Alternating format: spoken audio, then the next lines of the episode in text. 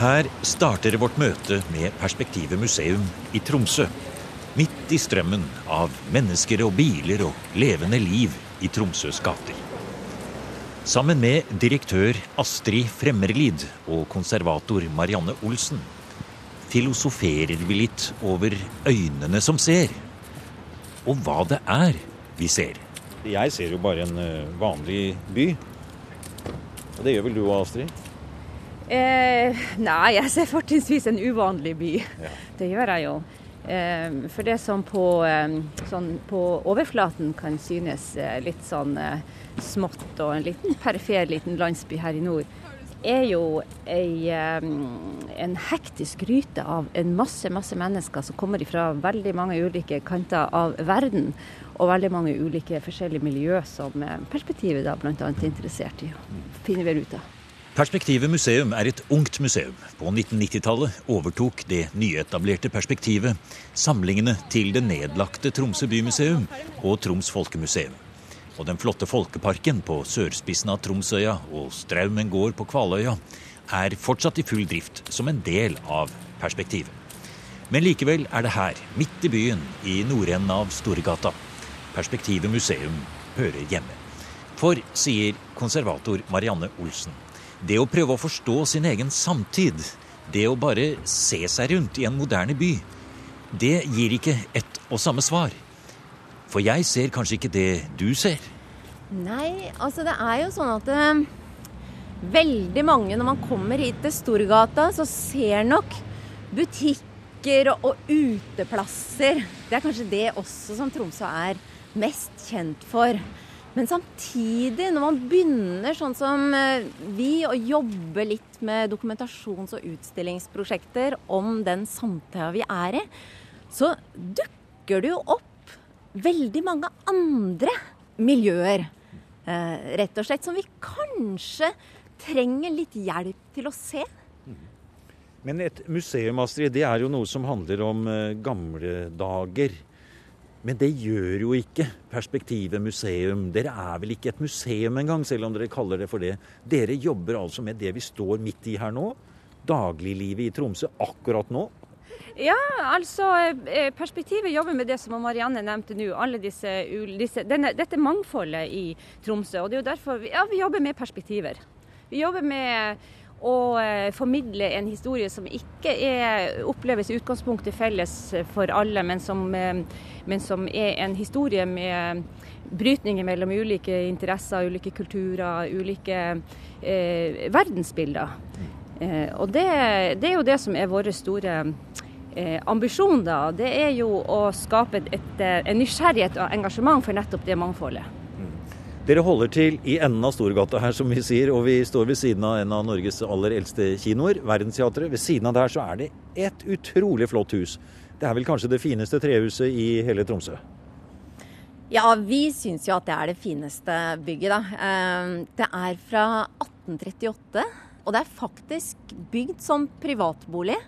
Og hvis vi tenker på at eh, Tromsø ble grunnlagt som by i 1794 Eh, så er jo dette et veldig gammelt hus i denne byen. Det var faktisk bare rundt 1400 mennesker som bodde her den gangen det ble bygd. De aller fleste bodde i små hus eh, i én etasje, kanskje med et uinnreda loft. Og da blir dette huset nesten som et slott, rett og slett. Mm. Cora Sandel har bodd der. Det har vært Folkets hus der. Men nå er det altså Perspektivet museum. Og dere som da har dette flotte, gamle huset som du forteller om, man skulle jo da nesten tro at det var den gamle historien dere jobber med. Men går det an å jobbe med historie som går helt opp til i dag? Altså, Er det egentlig historie? Er ikke det samfunnsforskning, Astrid? Når det gjelder dette her med hva som er historie og hva som er samtid, er jo det en, eh, et spørsmål som har vært eh, diskutert og Du må gå litt inn til siden her. Er en, eh, ja, vi, vi, står jo bare rett og slett midt i gata her nå, men eh, ja. I, sam, I, mange sammenhenger. Men eh, eh Først, det, da tenker du på historie som en kontinuerlig prosess, en lineær forståelse av historie som går fra fortiden fremover. Og, og, og det forstår ligger også en slags tenkning i den det historiebegrepet om at man beveger seg mot noe som er bedre og på et høyere utviklingsstadie. Og så ligger det noe i det at det er noe som har vært, men dere arbeider med noe ja. som er. Men vi arbeider med et begrep på samtiden som er slik at samtiden er tid, en tid med alle tider i. Og det vil si at man har, flukka, man har, man har bevega seg ut ifra den strømmen av tid som du refererer til. Og så tar vi utgangspunkt i problemstillinger i vår egen tid og stiller det i perspektiv. Og, og da er det historiske perspektivet ett av flere. Ok, Marianne, da får vi finne ut hva det er dere har valgt ut da, fra denne samtiden som vi hører Astrid forteller om, som har alle disse elementene i seg. Hvilke temaer var det dere har ja, valgt? Jeg synes jo Et eksempel er jo utstillinga vi lagde i 2005, altså til 100-årsjubileet for 1905. Hva er det man skal gripe fatt i når man ønsker å ha et fundament Eh, der vi i dag lever i en flerkulturell verden. Eh, og vi tar utgangspunkt i noen ting som er et veldig viktig symbol på identitet for eh, veldig mange av oss norske, nemlig drakten. Og så vil vi se om kan man ved en sånn gjenstand inkludere også andre som i dag bor i Tromsø, og som har bodd her hele tiden. Ja, 'Min drakt, min historie' kalte dere den utstillingen. Og ble det håper å si, mange eh, konflikter knyttet til det? Var det så mange forskjellige historier at det skapte ettertanke? Jeg vil si at når 30 kvinner som i dag bor i Tromsø, viste sine drakter og fortalte sine historier eh, Disse draktene sto oppe i andre etasje i storsalen på Perspektivet museum. Og jeg husker veldig godt at jeg hadde med en eh, gruppe der. Uh, og, at de kommer inn, og de sier ja, dette var jo utrolig flotte drakter, men det har jo ingenting med Tromsø å gjøre. Uh, så tenker jeg at vi kan være med å trekke fram noen ting som er i samfunnet rundt oss, men som vi kanskje ikke alle ser akkurat i øyeblikket. Mm. Vi går inn. Nå begynner vi å fryse litt. Eh, vi skal finne ut litt mer om hva det er dere arbeider med her på Perspektivet museum i Tromsø. For dere er et veldig ungt og nytt museum, egentlig. Ja, altså Perspektivmuseum Perspektiv museum ble jo, mer, ble jo, etablert nærmest som et prosjekt i starten. Det var jo verken lokal eller bemanning til å egentlig si at man, at man eh, representerte en institusjon som sådan. da. Men i 2002 så fikk vi en løsning ved at vi fikk tilbudt dette bygget her midt i sentrum, som vi er nå veldig både stolt og, og, glad for, til å utvikle til det, iallfall den første, i første fasen av Perspektivmuseet. Og um, I 2002 flytta vi hit og åpna med en, uh, en, utstilling som heter Tromsø Rocke. Om byens uh, meget vitale musikkmiljø fra 60-tallet med Kirsti Sparbo fremover til 2000. Og da gjorde vi samtidig dokumentasjon i år 2000 på um, etablering av to eh, nye musikkscener i Tromsø, nemlig ungdomsklubben Tvibit og, og Studenthuset Driv. Det kan kanskje være et godt eksempel på hvordan dere arbeider. kanskje det. For da henvender dere dere til en ungdomsgruppe en, med både populærmusikk, rockemusikk, samtidig som dere samler inn og har da rett og slett i samlingen deres nå alt som er gitt ut her, inkludert demokassetter. Ja, det er faktisk tilfellet, det. Vi har jo et fantastisk lydstudio på kysten her i Tromsø som jobber mye med med, med, musikk og med opptak av musikk. Og eh, vi involverte dem i prosjektet, så nå har vi altså en database på alt som ble utgitt fra 60-tallet og frem til 2000. Men allikevel, når vi går inn her nå, så ser jeg alt annet enn rock og pop og ungdomsmusikk og Kirsti Sparbo, som du sier. For jeg står her og ser rett inn i øynene på en fattig bonde i Romania antagelig, langt ut på landsbygda. Ser ut som noen sigøynere, og det henger masse bilder rundt på veggene her. Ja, dette er Roma Journeys av Joakim Eskildsen, som er opprinnelig dansk fotograf. Eh, og denne utstillingen her ble jo åpna for ikke så lenge siden, og eh, vi hadde jo da utrolig flaks, for den kom jo hit like etter at eh, dette oppstyret i Frankrike med, med Sarkozy sin eh, politikk overfor sigøynerne ble en verdensnyhet. Eh, så dette er altså da en fabelaktig eh, dokumentasjon gjort i sju forskjellige land om sigøynerne sin kultur og sitt, sitt, liv i dag. Ja, Så dette er en vandreutstilling som dere har tatt imot da fra et annet Det er også sånn dere virker for å være en form for debattarena? Ja, det stemmer det. Vi har jo store, tunge dokumentasjonsprosjekter som tar sin tid, og som tar sin også tid å finansiere, og det i andre etasje. Og det er mer dyppløyende prosjekter. Eh, så har vi da en førsteetasje hvor vi eh, gjerne tar opp eh, debattemaer altså, og, og, formidler gjennom det ypperste av dokumentarisk fotografi som vi har fra hele verden. Du nevnte annen etasje. Det er interessant nok, det Romania-prosjektet, men vi skal ikke ta den tråden akkurat nå. Nå skal vi holde oss til Tromsø. Vi går nå gjennom denne fotostillingen, som er helt fantastisk. Vi, det må vi si. Men vi lar den ligge akkurat nå. Vi går videre oppover til eh, annen etasje. Og jeg har sett på hjemmesider og andre presentasjonsmaterialer som dere har, at det er undring, nysgjerrighet, debatt, dialog. Det er alle disse ordene som dere bruker for å beskrive grunnen til at dere velger de forskjellige temaene. Nå har vi hørt om drakttemaene, som Marianne forklarte. Vi har hørt om Tromsø rocker. Hvilke andre temaer har denne undringen resultert i? Ja, vi starta jo det første prosjektet eh, om russiske krigsfanger i Tromsø. Eh, og det kalte vi for Untermensch. Og det var egentlig en eh, utstilling om rasisme. Men da eh, temaet ble speila gjennom denne eh, konkrete historiske virkeligheten som da eh, refererte seg til tre kommuner, her, inklusive Tromsø, og det er ofte sånn eh, vi jobber. altså Vi tar utgangspunkt i noe som er nært og gjerne kjent, men altså eh, etablere spørsmål og perspektiver rundt dette temaet som gjør at man diskuterer også på et litt annet nivå. Sånn som konkret krigshistorie, men også rasisme var tema den gangen. Fant dere noen tråd der som gikk helt opp i våre dager? Ja, ja vær så god, Marianne. Men det, det som er viktig, er jo at utgangspunktet for det vi gjør, eh, det er jo den samtida vi lever i. Eh, og når vi starta med det her prosjektet, eh, jeg mener at det var i 96-97, ja. Eh, så, var så, så var det en del sånn nynazistiske miljøer på fremmarsj. Og det var jo det som liksom var årsaken til at vi bestemte oss for å gå tilbake i tid og fortelle om rasisme i en annen tid.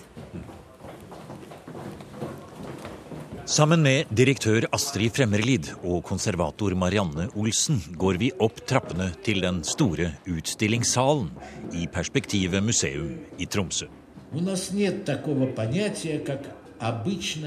Det er som å gå rett inn i en nyhetsreportasje på TV om russiske fiskere i Tromsø. Store skjermer med nærbilde av ansikter fra fiskebåtene som snakker direkte til oss. Avisutklipp, stillbilder fra Murmansk, scener fra kaia i Tromsø. Og historiske bilder og tekster som går tilbake til pomortiden, da russerhandelen var både livlig og livsviktig, og en naturlig del av livet langs de nordnorske kystene, helt til den russiske revolusjonen stengte grensene. Utgangspunktet for den utstillinga her er jo at vi i Nord-Norge har denne her historiske pomorhandelen. Eh, der det kom russiske skip hver sommer med ting som vi virkelig trengte. Eh, særlig korn og, og tømmer. Og så tok de med seg tilbake noe de virkelig trengte, nemlig fisk. Eh, men det jeg ser som historiker, er jo når jeg går tilbake i gamle kilder, så var det veldig positivt da at russerne kom. Men så kom jo den russiske revolusjonen, og så blir etter hvert russerne borte i veldig mange år. Eh, fra Tromsø og Nord-Norge. Men så kommer de tilbake igjen på 90-tallet igjen. Og det vi så, og som vi undra oss over, var jo at det som sto i avisene da, det var jo plutselig ikke bare positivt. Eh, det var vel ikke positivt i hele tatt, vel?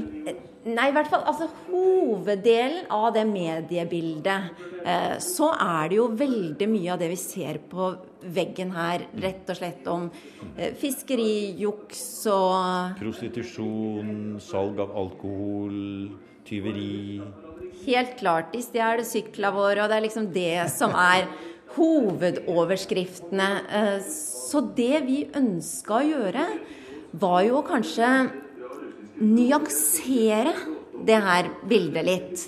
Eh, så delvis så hadde vi en dokumentasjon i samtida om hvem er faktisk disse russiske sjøfolkene som kommer til byen i dag. De aller fleste av oss ser de jo rundt oss hele tiden, men er de færreste av oss som har noe føling med hvem de faktisk er. Og så parallelt så gikk man tilbake i tid og så hva var det faktisk som skjedde under pomortida. I prosjektet Flytende russisk reiste perspektivets folk ikke bare ned på kaia og gikk om bord i trålerne for å snakke med fiskere og sjøfolk. De dro også til Murmansk for å treffe familiene og se hvordan fiskerne bodde og hadde det i sitt hjemmemiljø. Og som besøkende til utstillingen kommer vi bokstavelig talt bak den russiske fasaden og det er en fasade som i hvert fall i det ytre ser nokså nedslitt og trøstesløs ut. Murmansk ser jo i stor grad sånn ut. Det er jo det som blir så eh, dramatisk når man eh, kommer dit og, og eh, opplever de fasadene. Og mange av de sjøfolkene som eh, vi intervjua og som eh, var med på å skape denne utstillinga da, de bodde jo bak disse fasadene. Men det som er så interessant å se, det er jo det at fasadene så på den tida i alle fall så skrekkelig ut. Men når du kommer inn, så kommer du inn til trivelige, koselige hjem som har i grunnen alle de eh, fasilitetene som våre egne hjem har her. Mm. Og det var jo litt av eh, poenget her. Det er jo til å breie ut hele deres eh, eh, liv på ulike måter, og så vise at, eh, at her har vi i grunnen det meste til felles. Fikk dem til å snakke om drømmene sine, fikk dem til å snakke om hva de bekymra seg for, og de, eh, de, hvordan de hadde det, hvordan de så på oss som nordmenn. Det var veldig spennende. Eh, så prøver, man prøver liksom å ha et litt sånn helhetlig bilde av situasjonen. Eh, når du nå ser rett frem i utstillingen, så ser du egentlig hovedpoenget med denne eh, ja, flytende russisk. Ja. Vi går ned mot en eh, videoskjerm, holdt jeg på å si, en stor installasjon. Det er mennesker, det er eh, fiskere. Og det er utsagn fra dem igjen. Som dekker en hel Для того и перины на мягком да теплом гагачем пуху делают. Hva på, Siva. Her kommer de russiske stemmene virkelig ut til oss. Det er, det er nokså gripende, og det er ganske flott. Det er både de stemmene vi oppsøkte, og så er det stemmer fra fortiden. Altså fra 1800-tallet, fra reisende eh, russere her oppe i eh, nord. Men hva er det da som er den store samtalen i denne utstillingen? Jo, det er hvordan vi skaper bilder av andre. Vi har vårt bilde av russerne gjennom disse utstillingene vi lager, men her lar vi dem få lov å komme til orde og si noe om hva de syns om den norske kulturen.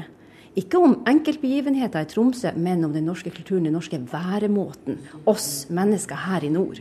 Og det er kjempeinteressant. For det man da ser, det er jo det at disse stereotypiene som skapes over tid, de er veldig vanskelige å bryte ned. Og de har, det de sier om oss på 1800-tallet, er veldig veldig likt det samme som de sier under deres dokumentasjon i 2004. Mm. Som er? Som er at vi er forknytt og stille. Vi er litt sånn eh, ja, litt sånn eh, vanskelig å komme i kontakt med. Eh, vi har kanskje ikke noe sånn stor kultur på musikk og, og, og sånn, som russerne har. Vi, eh, vi, har en litt sånn dempet form for gjestfrihet i forhold til Russland, som slår stort opp og serverer vodka og dekker alle bord når gjestene kommer. Og sånn i den sjangeren. Hm. Når folk ikke treffer hverandre, forekommer det stereotypiske holdninger som i prinsippet ikke blir bekreftet av noe. De eksisterer bare. Den ene forteller den andre at alle er alkoholikere. Det ble, ja, det ble sagt i 2004. En maskinist. Ja, ja stemmer. Så har vi også gamle sitater, sånn som det her. Dertil er de fæle til å sove, særlig handelsfolkene. Kona kommer med kaffe og lager middag. Men mannen, han ligger forsyner meg nesten tre fjerdedeler av døgnet. Men så har de også bløte, varme edderdunsdyner. Lykkelige folk. Det er fra 1877, da. Ble russerne overrasket når dere sa at vi vil komme hjem til dere, vi vil finne ut hvem dere er, vi vil på besøk, vi vil ha jeg håper å si en, eh, en dram på kjøkkenet i Murmansk? Ja, altså De ble glad, vil jeg si. Fordi at eh, russerne her i Tromsø var jo veldig mange den gang vi gjorde dokumentasjon, men de er jo langt langt færre nå. Det er jo kanskje greit å si, altså. Mm. Denne typen trafikk er jo nesten slutt nå. Nå laster jo fisk ute til sjøs. Mm. Men, eh, men, den gangen eh, ville de jo gjerne ha kontakt med nordmenn, men de hadde lite anledning til å få kontakt med nordmenn. Så da det kom da noen nysgjerrige mennesker ned dit til dem, som til og med kunne snakke russisk, for det var jo veldig få som snakka engelsk av dem, så ble de regelrett kjempeglade og, eh, og, og involverte seg veldig positivt i prosjektet. Vi ble jo invitert hjem. Og de dekka jo sine bord. Det var jo ingen, ingen som spurte om det, men de, men de, tok jo veldig godt imot oss da. Så den dialogen med de informantene vi hadde i det prosjektet her, var jo, var jo bare eh, veldig vellykket, altså. Vil du da si at dere faktisk har greit å endre litt av oppfatningen av det som skjer? At man gjennom denne utstillingen har fått gitt denne stemmen til de russiske besøkende? Og kanskje ettertanken da, fra de som ser utstillingen. Har dere lykkes med noe i denne utstillingen, er det vel egentlig jeg spør om? Ja, Det der er veldig vanskelig å si. og Jeg tror at man skal være forsiktig med å overdrive, eh, eh virk, virk, altså, eh, overdrive den innflytelsen man har eh, som utstiller. Men samtidig eh, så er det klart fra gjesteboka bl.a. Eh, at det er mye refleksjon omkring disse spørsmålene altså, som de gjør seg, de som kommer hit. Men det jeg vil trekke frem, kanskje, det er den undervisninga som skjer her i flytende russisk. Det kommer altså tusenvis av barn og får undervisning her på veldig forskjellig nivå. Og de eh, litt eldre elevene da, de blir jo møtt med et spørsmål om hva de reflekterer på eh, begrepet russisk eh, sjømann. Og da kommer veldig mye av de, eh, de, de fordommene da som vi går og bærer, bærer overfor andre mennesker. Og de blir òg veldig provosert av russerne sin eh, beskrivelse av oss. Sånn at du får en ganske fin diskusjon der med eh, unge mennesker om dette her med å skape disse rigide og disse stereotypiene eh, som vi gjør eh, overfor hverandre. Eh, russerutstillingen den, er, den, står her, vi går eh, rundt i den nå. Men den er på en måte eh, ikke et tilbakelagt stadium, siden den fortsatt står oppe. Men det er ikke det dere forsker på i øyeblikket, Marianne. For du har nettopp fått noe som heter et, et Gandhi-stipendet av kulturminister Anniken Huitfeldt, nå bare for ja, faktisk bare noen uker siden. Og det går inn i et helt annet prosjekt som du skal arbeide videre med nå, som har med religiøst mangfold å gjøre. Forklare litt hva det er. Ja, altså vi jobber jo nå med et prosjekt om religiøse fellesskap i Tromsø. Um, og noe av utgangspunktet for det er jo det at vi ser at religion i mye større grad er tilbake i det offentlige rom. Det gjelder både her i Tromsø, men det gjelder uh, Norge og den vestlige verden for øvrig. Eh, men det vi ser, er jo liksom hoveddelen av det man møter i media. Eh, så spiller man på religioner som konfliktskapende og splittende. Eh, og det vi ønska å se på, var om man kan se på religion som noe som faktisk forener. For det er så mange som ser på det her med, med splitting. Men det prosjektet, sier Marianne Olsen, er fortsatt på planleggingsstadiet. Og uten tvil er det planer som vil trekke opp nye problemstillinger, og kanskje også provosere og mane til ettertanke. Det er på den måten vi arbeider, sier Astrid Fremmelid, som ser Perspektivet museum i Tromsø i samme familie som andre kulturinstitusjoner, og for den saks skyld museer i Norge, som går aktivt inn for å dokumentere samtidshistorien. Ja, det å dokumentere og det å gestalte eh, gjenstander og bilder og kilder i en ny sammenheng. Altså bruke historier på en ny sammenheng. Ikke som en ledd i en, eh, i en tidsstrøm, men som et, et, bilde, del av et bilde på en samtid. Sånn som eh, på morhistorie her, da går jo inn og møter den samtidsfortellingen som museet presenterer. Og vi kan diskutere forskjeller, vi kan diskutere likheter, og materialet blir altså satt inn i en helt ny kontekst. Altså Perspektivet museum handler om kommunikasjon. Eh, og eh, på mange måter så har vi jo en slektning i Litteraturhuset i Oslo, føler jo vi.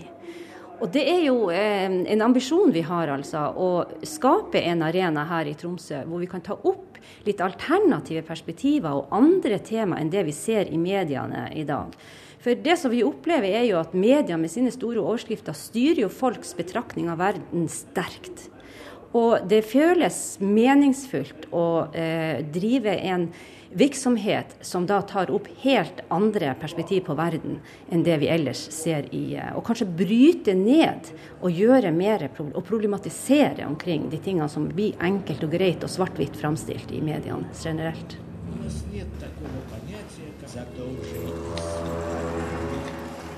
Du har nå hørt programmet Museum som podkast fra NRK.